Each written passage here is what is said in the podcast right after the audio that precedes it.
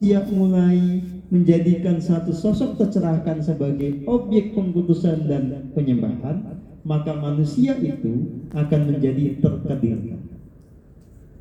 Jelas itu melanggar prinsip dasar dari misi agung yang diemban oleh orang-orang tercerahkan. Orang-orang tercerahkan sepanjang zaman. Entah itu Sri Krishna, entah itu Yesua Hamasiah. Mereka punya satu hal yang mendasar. Mereka ada untuk menginspirasi kita tentang bagaimana menumbuhkan watak-watak keilahian di dalam diri kita. Kita disadarkan bahwa kita adalah jiwa yang agung itu. Bahwa di balik bungkusan fisik dan segala konsep pikiran kita itu ada sesuatu yang sangat murni Itulah esensi keberadaan kita. Itulah yang ilahi yang bersemayam di dalam diri kita. Maka laku spiritual dan ajaran spiritual itu intinya adalah membuat Anda sadar akan itu kemudian berbenah bergegas agar memancarlah kualitas ilahian itu melalui pikiran, perkataan, dan tindakan. Dan ajaran Krishna maupun Yesua maupun yang sebangsa dengan mereka itu sebetulnya sama saja mulai dengan menyadari bahwa dalam aliran nafas itu ada daya hidup, ada kasih murni, ya, yang itu terus menerus dilimpahkan kepada kita. Yang itu jika kita sadari membuat kita mengerti bahwa hidup itu adalah anugerah yang nyata. Bahwa hidup ini di bumi ini bukan penghukuman tapi sekali lagi adalah anugerah yang nyata. Satu kesempatan kita untuk merealisasikan kualitas ketuhanan. Yang kedua, prinsip dasarnya adalah bagaimanapun juga untuk bisa bertumbuh semua orang harus menyambung dengan Roh Kudus atau diri sejati. Nyambung itu artinya apa? Pikiran kita itu dihubungkan ke sini ke rasa sejati sehingga pikiran bisa menangkap apa titah atau pesan dari diri sejati lalu kita hidup sesuai dengan titah dari diri sejati sehingga ya, rancangan agung bagi setiap diri yang mengantarkan setiap orang kepada evolusi tertinggi dari setiap jiwa itu bisa menjadi kenyataan. Tantangannya adalah walaupun ada grand design, ada sebuah rancangan agung, kita itu punya hak dan bisa memilih untuk tidak mengikuti itu. Itu namanya free will. Hanya risikonya kalau Anda tidak mengikuti rancangan agung Anda, atau bahkan tidak tahu rancangan agung Anda, Anda pasti akan ketemu dengan kehidupan yang tidak mengasihkan. Yang dalam bahasa yang apa namanya puitik disebut sebagai kehidupan neraka.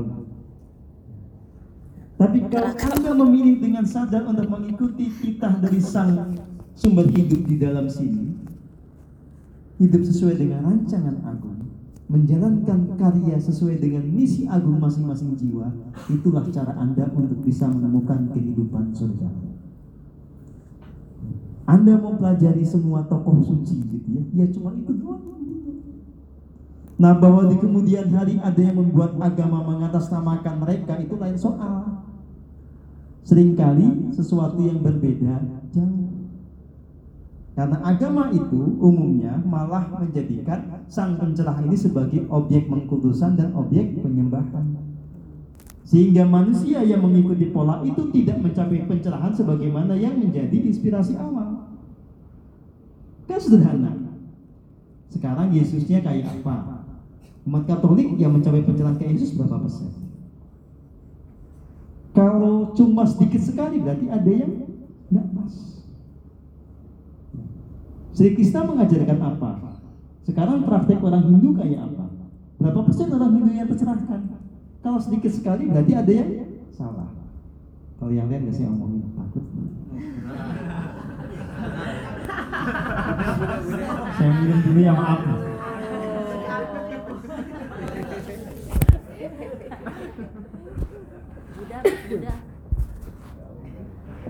Ya sama saja prinsip dasarnya kan yang diajarkan apa sih pencerahan ya. nah justru kita yang sadar ini mesti melampaui semua bentuk-bentuk dan formalisme agama itu ketemu esensinya maka bagi kita semua tokoh agung itu adalah inspirator jadi kita nggak memilah dan memilih ya. Bagi kita semua itu ya betul-betul adalah teladan. Gitu. Asal benar ya teladan beneran, kalau enggak ya jangan. Nanti anda nyasar. Ya, sampai sini ada pertanyaan silahkan. Jangan tanya yang tadi ya. Awas. cerita boleh nggak Ya silakan, Mbak. Tes, tes. Eh, aku mau cerita aja Eh, karena katanya minta disampaikan tadi sedikit dong. aku malu. Iya tadi eh, ak- beberapa hari ini kan aku terhubung dengan penjaga di hutan Kalimantan. Aku juga nggak tahu kenapa kok spesifik di Kalimantan. Tadi barusan terhubung lagi dan eh, ini sedih banget sih. Ini buatku sedih banget. Karena jadi di sana kan ada naga gitu ya penjaga hutan tapi aku menemu aku ketemu si naga itu lagi sekarat gitu lagi berbaring di tanah dan kayak lemes banget gitu kayak apa ya kayak sekarat gitu kayak Kehabisan tenaga. kehabisan tenaga gitu padahal eh, gitu padahal tadi siang itu barusan aku lihat dia tuh terbang-terbang di situ gitu Baik, kan. saya mau jelaskan ya. Ini memang ceritanya kayak cerita dongeng ya. Kita bisa menyelaminya dengan sejati, ini sebuah fakta. Case ini telah terjadi sekitar seminggu yang lalu ketika kita punya acara di Bandung. Jadi entitas yang ada di dimensi lebih tinggi, misalnya dimensi 13, ya, dimensi alam cahaya, tapi yang masih terkait dengan bumi, itu penghuni di sana itu masih bisa mengalami kerusakan tubuh, masih bisa dikalahkan oleh kekuatan gelap yang pas saat momen dia bersentuhan energi itu lebih kuat.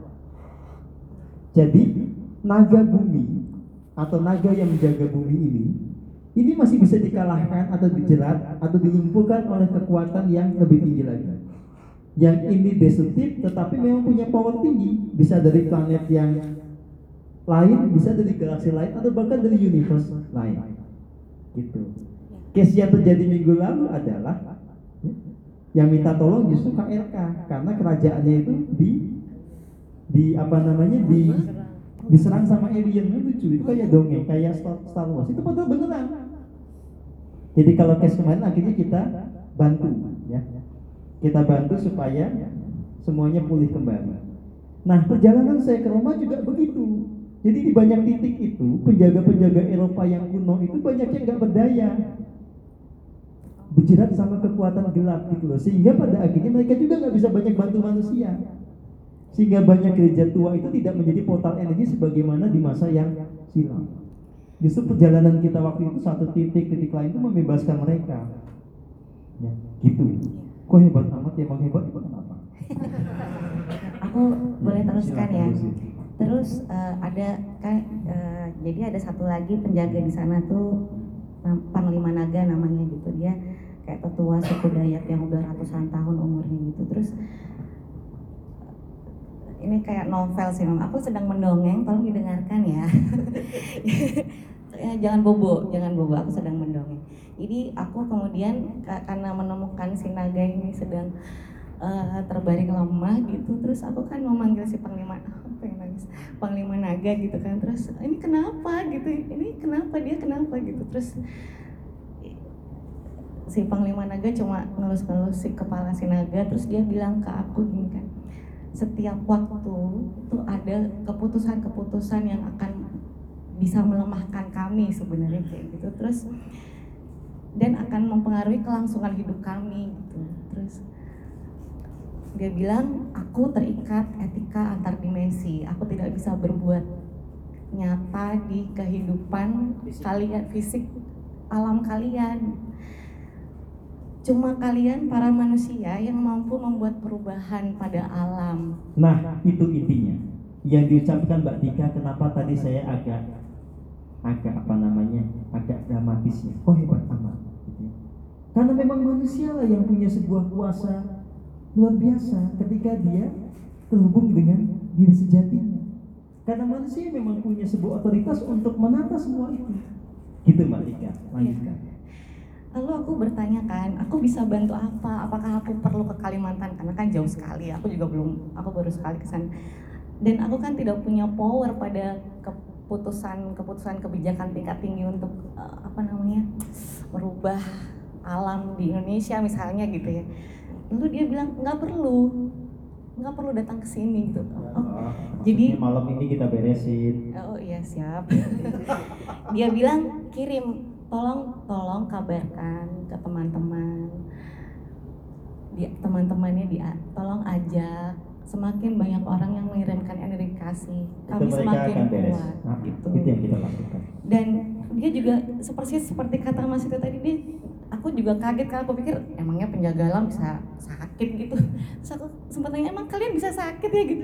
Lalu lalu dia bilang penjaga alam juga bisa sekarat jadi tolong bantu kami gitu nah terus sama terus kami ngobrol-ngobrol gitu kan ya ngopi-ngopi gitu ya enggak juga sih uh, kami kayak meman apa ya memantau beberapa hutan yang ada di aku juga nggak tahu kenapa kok terhubungnya ke hutan gitu ya kenapa nggak ke mall atau ke tempat dulunya gitu.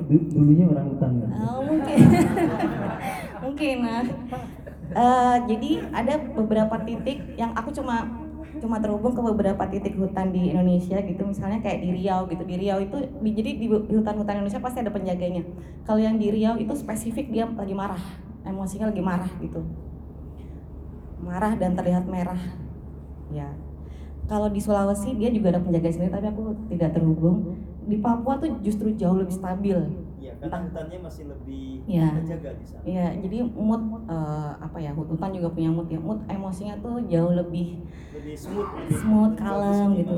Dan Jawa, aku kalau yang di Jawa tuh terhubungnya ke Lawu dan di, di Lawu tuh justru dia lebih jernih dan terjaga gitu. Tapi aku cuma di Lawu aja sih yang nggak tahu yang tempat di Jawa sebelah lain gitu. Terus dia bilang uh, yang ini boleh ya nanti dia bilang sih ada bagian untuk ber, berkunjung ke tiap pulau. Yeah begitu. Ya terima kasih. Oh satu lagi tadi di bagian akhir tadi ada aku kayak ada Buddha gitu gila maksudnya kayak gede banget. Di belakang maksudnya gitu kayak maksudnya di tangan Budanya gitu. Dan dia punya pesan katanya gini e, jalankan tugas sucimu gitu kan. Lalu dia bilang untuk semua di sini katanya sembuhkanlah tiap luka batinmu. Fokus menjernihkan diri fokus pada diri sendiri.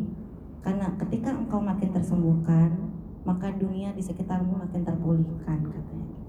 Ya panjang ya terima kasih. Waras sekali mbak Tika ya. Aku masih waras kan mas Iya kita sangat berterima kasih atas pesan-pesan semesta yang disampaikan pada kita lewat Mbak Tika Memang demikian adanya. Silakan Mbak Hedi. Nambahin hmm. uh, ini apa namanya sambungan dari tadi siapa? Buddha, Buddha tuh. Mas Buddha. Buddha ya. ini nambahin mungkin inline juga ya sama sama pesannya uh, dari Mas Buddha itu gitu ya. Ini yang uh, apa sih namanya tadi Bunda Maria sih yang spesifik itu.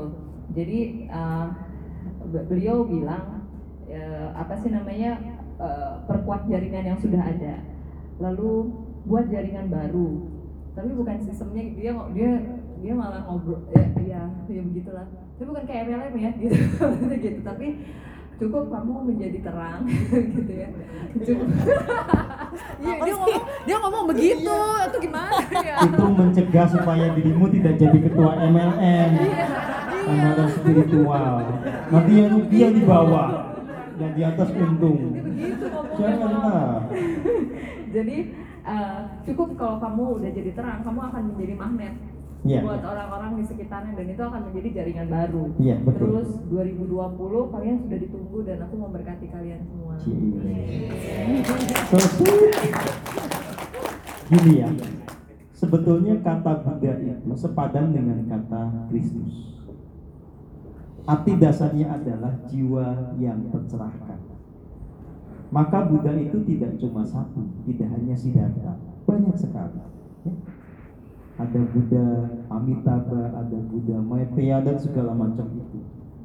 Maka Anda juga punya potensi menjadi Buddha titik-titik. Ya. Kan ada Buddha Siddhartha gitu kan? Kalau Faisal waras terus dia bisa menjadi Buddha Faisal. Tapi boleh kawin yang ini sama. Nah, sudah saya ini rubah ya. Jadi jangan takut mau menjadi Buddha nggak boleh kawin nggak cukup. Lega ya tadinya. ya begitu. Nah, kita bersama sedang dalam proses untuk menjadi jiwa-jiwa agung jiwa-jiwa yang tercerahkan. Ketika kita sudah mencapai titik itu, maka setiap orang memang akan menjadi magnet bagi orang lainnya untuk bertumbuh. Pada saat yang sama, masing-masing akan bisa memancarkan vibrasi kebahagiaan dan kedamaian yang pasti mengubah realitas. Makanya benar, nggak usah kita terlalu sibuk mikirin misalnya FPI bagaimana, HTI bagaimana, ribet udah biarin aja. Ya. Gitu. Ya lagian kan itu sudah ada yang mengurusi, kan yang dikasih anggaran untuk membereskan itu yang harus mengurusi. Nah, kita nggak usah sibuk ikut mengutuk, nggak usah juga sibuk mikirin, tetapi fokus untuk membuat diri kita menjadi para avatar, menjadi para Kristus, menjadi para Buddha. Masalah-masalah itu akan terselesaikan dengan sendirinya, karena kita nanti akan punya kekuatan dan kita akan tahu mesti berbuat apa.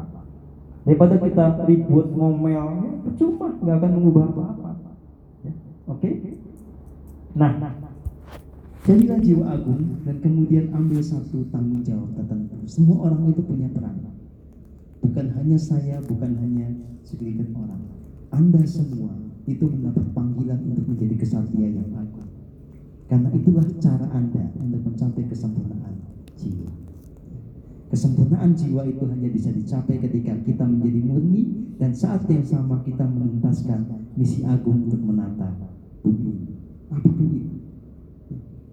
Sekali lagi bisa saja nanti ada yang fokus untuk membereskan hutan, ada yang fokus untuk menciptakan kemakmuran ekonomi, ada yang fokus untuk yang lain-lain gitu ya. Nah, itu semua sepadan setara. Dan prinsip dasarnya adalah begitu kita sudah masuk ke wilayah ini, maka lampauilah semua egoisme, semua egoisme. Lakukan semuanya dengan ketulusan untuk kebajikan bersama. Jangan pernah ada udang di balik batu. Yang kedua, melampaui egoisme berarti kita adalah menyadari kita punya keunggulan, orang lain juga punya keunggulan. Kadang-kadang keunggulan lain itu untuk menutupi kelemahan kita dan sebaliknya. Maka pada detik itu sadarilah, tidak perlu ada yang namanya saling cemburu dan tidak perlu ada yang namanya kompetisi. Di dalam perjalanan spiritual yang ada adalah saling mengasihi, saling berbangga dan berbahagia atas prestasi orang lain, dan saling berkolaborasi tanpa sedikit pun kompetisi. Ya. No jealous, no competition. Itu prinsip dasar agama kita. Kita harus cari nama nih. Sorry, bukan saya nabinya ya, nabinya Mas Eko. Cari Begitu ya. Baik teman-teman semua kita tutup eh, acara kita hari ini dengan sama-sama meditasi kembali. Silakan terhubunglah kepada sang diri sejati atau sang roh kudus. Ya. Hening, relax, betul-betul selami semuanya.